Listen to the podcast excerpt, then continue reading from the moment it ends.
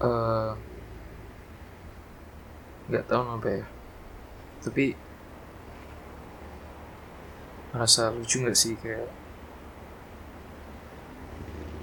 kamu sebagai manusia kayak ngerasa beda ngerasa beda dalam artian saat gini ya anggap aja gini. Teman-temanmu dengan gembiranya ngebahas liburan. Banyak berbagai macam liburan. Ada yang sibuk memikirkan liburan ke contoh misal Batu ke Raja Ampat ke Bali atau ke Kepulauan Seribu. Tapi entah kenapa di tengah-tengah itu kayak saat semua orang bisa dengan riang menceritakan hal tersebut aku cuman bisa diem. Diem bukan berarti emang gak ada duit atau mau liburan atau gimana gitu susah enggak. Tapi lebih ke kayak ngerasa kosong empty. Pure feeling empty. Dan empty-nya ya kayak apa ya? Um, jelasinnya gimana ya? Um, anggap kayak gini. Kayak perlu nggak sih liburan sebenarnya? Apakah itu adalah hal yang patut dilakukan sekarang gitu? Untuk diriku ya untuk persepsiku pribadi. Ya aku tahu kok. Emang setiap orang base-nya beda-beda dan hidup orang itu juga beda-beda. Tapi kadang tuh kayak kesel aja gitu. Kesel? Kenapa sih? Kayaknya nggak banyak gitu ngerasain apa yang aku rasain. Gimana yang lain bisa dengan santainya. Atau bahkan yang paling lucu ya kayak di kumpulan teman-temanku semuanya bisa ngebahas semester mereka berikutnya. Ataupun mereka kayak ngebahas um, apa target-target mereka selanjutnya. Target-target dalam artian kayak misal di semester berikutnya mereka pengen ikut-ikut kegiatan mahasiswa yang lain atau pengen yang awal IPK mereka nggak terlalu tinggi.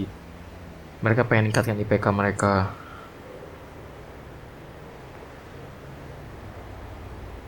Nah entah kenapa aku pun juga udah mulai ngerasa kayak hal-hal tersebut udah nggak penting. Kayak dalam artian IPK ataupun kegiatan-kegiatan lainnya. Karena emang oh mohon maaf tapi emang benar. Kegiatan-kegiatan tersebut bisa lah bikin kita dapat soft skill. Bahkan kuliah dan IPK bisa mendapatkan kita kita bisa dapat ilmu. Tapi di semesterku sendiri yang udah bisa dibilang nggak mudah udah cukup tua kayak kepikiran aja kayak dan ngeliat oh ya ditambah ngelihat alumni alumni yang kayak orang-orang hebat yang notabene orang hebat pun lulus juga bingung. Tanpa mengurangi rasa hormatku juga sih. Tapi kayak gara-gara hal ini gara-gara melihat fakta-fakta kayak gini lebih cepat mungkin ya dari teman-temanku sendiri. Membuatku sadar kayak uh, kayak ternyata semuanya juga nggak terlalu penting. Yang akhirnya yang penting itu ke diri kita sendiri. Sebenarnya ya aku tahu kayak gini nggak baik. Kayak hopeless judge-nya ya hopeless sih. Kalau teman-teman gue bilang hopeless. Bahkan pada saat aku bilang yang bikin aku lebih shock lagi pas saat aku bilang bahwa nilai itu nggak penting. Ternyata cuma aku menyadari hal itu. Teman-temanku juga masih menganggap hal tersebut penting dan important. Ya important sama. Ya dari situ nggak ngerasa kayak yang memiliki pemikiran seperti ini ternyata cuma aku sendiri. Aku nggak tahu apakah ini definisi dari realistis atau hopeless. Tapi yang pasti aku udah capek, capek banget, capek feeling empty.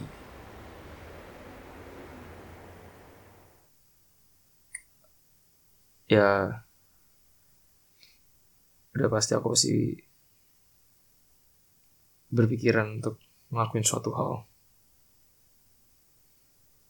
Tapi gimana ya? Oh iya, tapi yang anehnya juga aku adalah sosok yang di mana selalu ada untuk orang bukan dalam artian saat teman butuh duit eh teman butuh duit oke okay, bisa lah dimasukin ya tapi dalam artian seperti kayak jika teman-temanku butuh bantuan moral moral dalam hal mengclear vision mereka tentang diri mereka atau membantu mereka untuk lebih sadar akan apa yang terjadi dengan diri mereka sendiri aku selalu ada khususnya untuk teman-teman dekatku. Tapi jadi timbul juga pertanyaan lagi kayak yang ayam aku siapa ya? Dan yang bisa bikin aku terdorong maju siapa ya?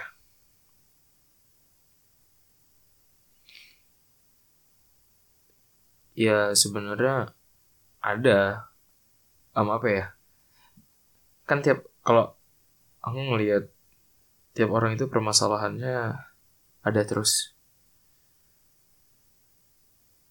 ya aku juga udah punya seseorang. Akan tetapi hal tersebut nggak mengubah fakta bahwa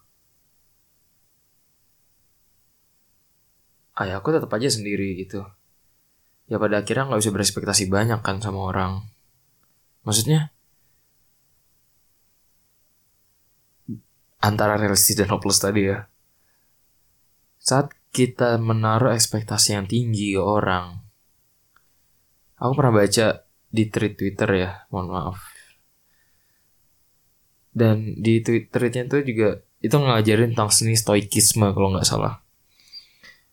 Di situ dia bilang kayak intinya ya, kita biasanya sakit hati atau jatuh itu karena ekspektasi yang kita buat dan ternyata ekspektasi kita nggak terwujud nggak sesuai sama ekspektasi kita lah bahasanya. Jadi yang bikin kita sakit itu diri kita sendiri. Terus solusinya atau langkah terbaiknya apa dong? Nah dari di situ dijelasin langkah terbaiknya adalah kurang-kurangin ekspektasi dan perbanyak eh gimana ya jadi tuh kan ekspektasi itu nggak usah tapi yang perlu kita banyak tuh ada harapan dengan adanya harapan kita bisa lebih karena kalau bahasanya itu nggak salah ya sorry kalau nggak salah. Harapan itu adalah hal yang bisa kita kontrol sedangkan ekspektasi itu adalah hal yang di luar kendali kita. Nah kalau harapan misal aku berharap aku punya banyak duit. Ya karena itu adalah sebuah harapan dan ada caranya yang di mana aku bisa menggapainya? Contoh dengan cara aku cari duit atau kerja kerja freelance atau kerja ngebuat web atau kayak misal ngeban uh, kalau untuk temanku yang FP mungkin dia ngebuat ngebuat um, teknologi teknologi dalam pertanian mungkin ya. Ya contoh hal kayak gitu yang di mana itu bisa memberikan duit. Jadi bisa banyak kayak itu adalah hal yang masih bisa dicapai kan Nah kalau ekspektasi itu nggak bisa karena itu di luar kendali kita. Karena kendali sepenuhnya itu di misal kayak ekspektasi aku pengen orang itu aku pengen jadian sama si A.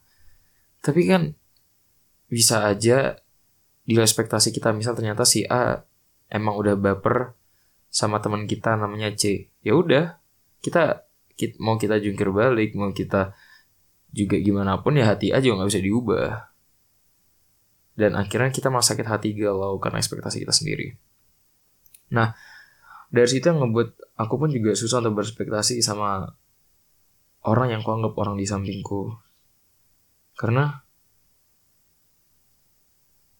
tapi ya karena aduh gimana ya tapi aku juga senang karena dengan adanya seseorang tersebut ya aku nggak ngerasa sepenuhnya sendiri. Tapi di saat di saat aku kayak ngerasa butuh atau di saat aku sangat butuh banget yang nggak namanya manusia ya apalagi di umur segini kan nggak mungkin seseorang ada untuk 24 jam tapi saat aku berespektasi bahwa aku menghadapi masalah ini atau gara-gara ngumpul sama teman tadi anggaplah ya bisa bilang kayak gini kondisi gue sekarang down dan sebagainya macamnya ya saat seperti ini aku butuh dia gitu tapi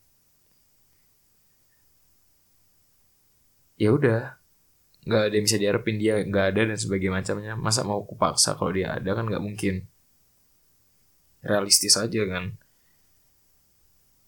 Dan dan dan aku pun juga udah ngebiasain supaya nggak terlalu berekspektasi banyak. Ya kayak gini lah.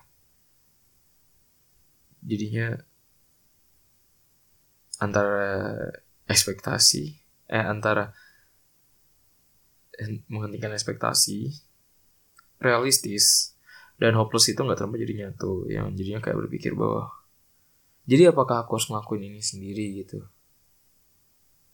Dan aku pikir mungkin ada benernya mungkin ada salahnya. Sebenarnya juga bisa dibilang egois karena aku ngerasa bahwa nggak ada orang di sampingku. Nggak ada ada support sebagai macamnya itu juga bilang egois banget. Karena pada nyatanya ya ada. Cuman ya kita sebagai individu sebagai makhluk hidup ya pasti ada kesibukan yang kita masing-masing. Dan itu membuat kita mungkin agak susah komunikasi ataupun keter ah, ya komunikasi dan sebagainya macamnya tapi ya aku sadar kok. Itu alasannya kenapa aku ngelakuin ini. Kenapa aku buat podcast ini? Karena aku percaya dengan membuka masalahku ini aku bisa berada di titik yang berbeda. Aku pernah mendapatkan sebuah kata-kata. Manusia itu hidupnya nggak bebas. Tapi manusia itu bebas dalam menanggapin apa masalah yang datang kepada dirinya. Jadi nggak bebas. Tapi pada saat ada satu masalah dia bebas tuh nanggepinnya gimana. Mau lari kayak, mau dititipin ke orang kayak masalahnya, mau gimana kayak, ya itu juga terserahnya dia. Jadi manusia bebas dalam hal tersebut doang. Dan entah kenapa dari serentetan masalahku akhirnya aku kepikiran untuk ngelakuin hal ini ya mungkin untuk kali ini cuma ngebahas empty dan aku bangga sih sebenarnya dengan diriku bisa ngebuka hal ini. Karena jujur berat banget. Tapi dari aku sendiri aku pengen siapa pun yang denger ini aku nggak tahu siapa yang pasti nggak banyak lah. Itu siapa pun kalian mendengar ini apa pun masalah kalian kalian nggak sendiri aku bakal ada untuk mendengarkan kalian. Kenapa? Ya simpelnya kayak gini itu nggak enak. Tapi karena aku tahu rasa gak enaknya itu makanya aku menyediakan ma buat diriku bersedia lah bahasanya membuat diriku bersedia agar ada. Jadi ya udah inilah aku. Tapi untuk sementara mungkin nanti aku bakal ngebuat lagi introduction yang itu cuma dalam waktu yang singkat mungkin ya. Ya cuma untuk ngebahas apa yang bakal aku lakuin dan apa yang bakal aku lakuin ke depannya. Jujur kok kan nggak berani ngebuka hal-hal kayak gini kan bakal susah. Karena beban kalian bakal kalian hadapin sendiri. Jujur aku pun juga ngerasa agak lega udah ngomong di sini. Ya karena kalau kalian gak ngebuka ya berarti bebannya udah kalian timbang sendiri dong. Dan itu gak enak banget apa pun masalah kalian saranku jangan lari. Hadapin. Kalau nggak kuat kan gak sendiri. Oh iya. Perkenalkan. Nama aku gelap. Gelap. Yang selalu setia menemanimu di mana pun kamu berada, baik saat suka ataupun duka, di kamarmu yang gelap, ada aku yang menyaksikan apa yang terjadi sama dirimu. Malam semuanya.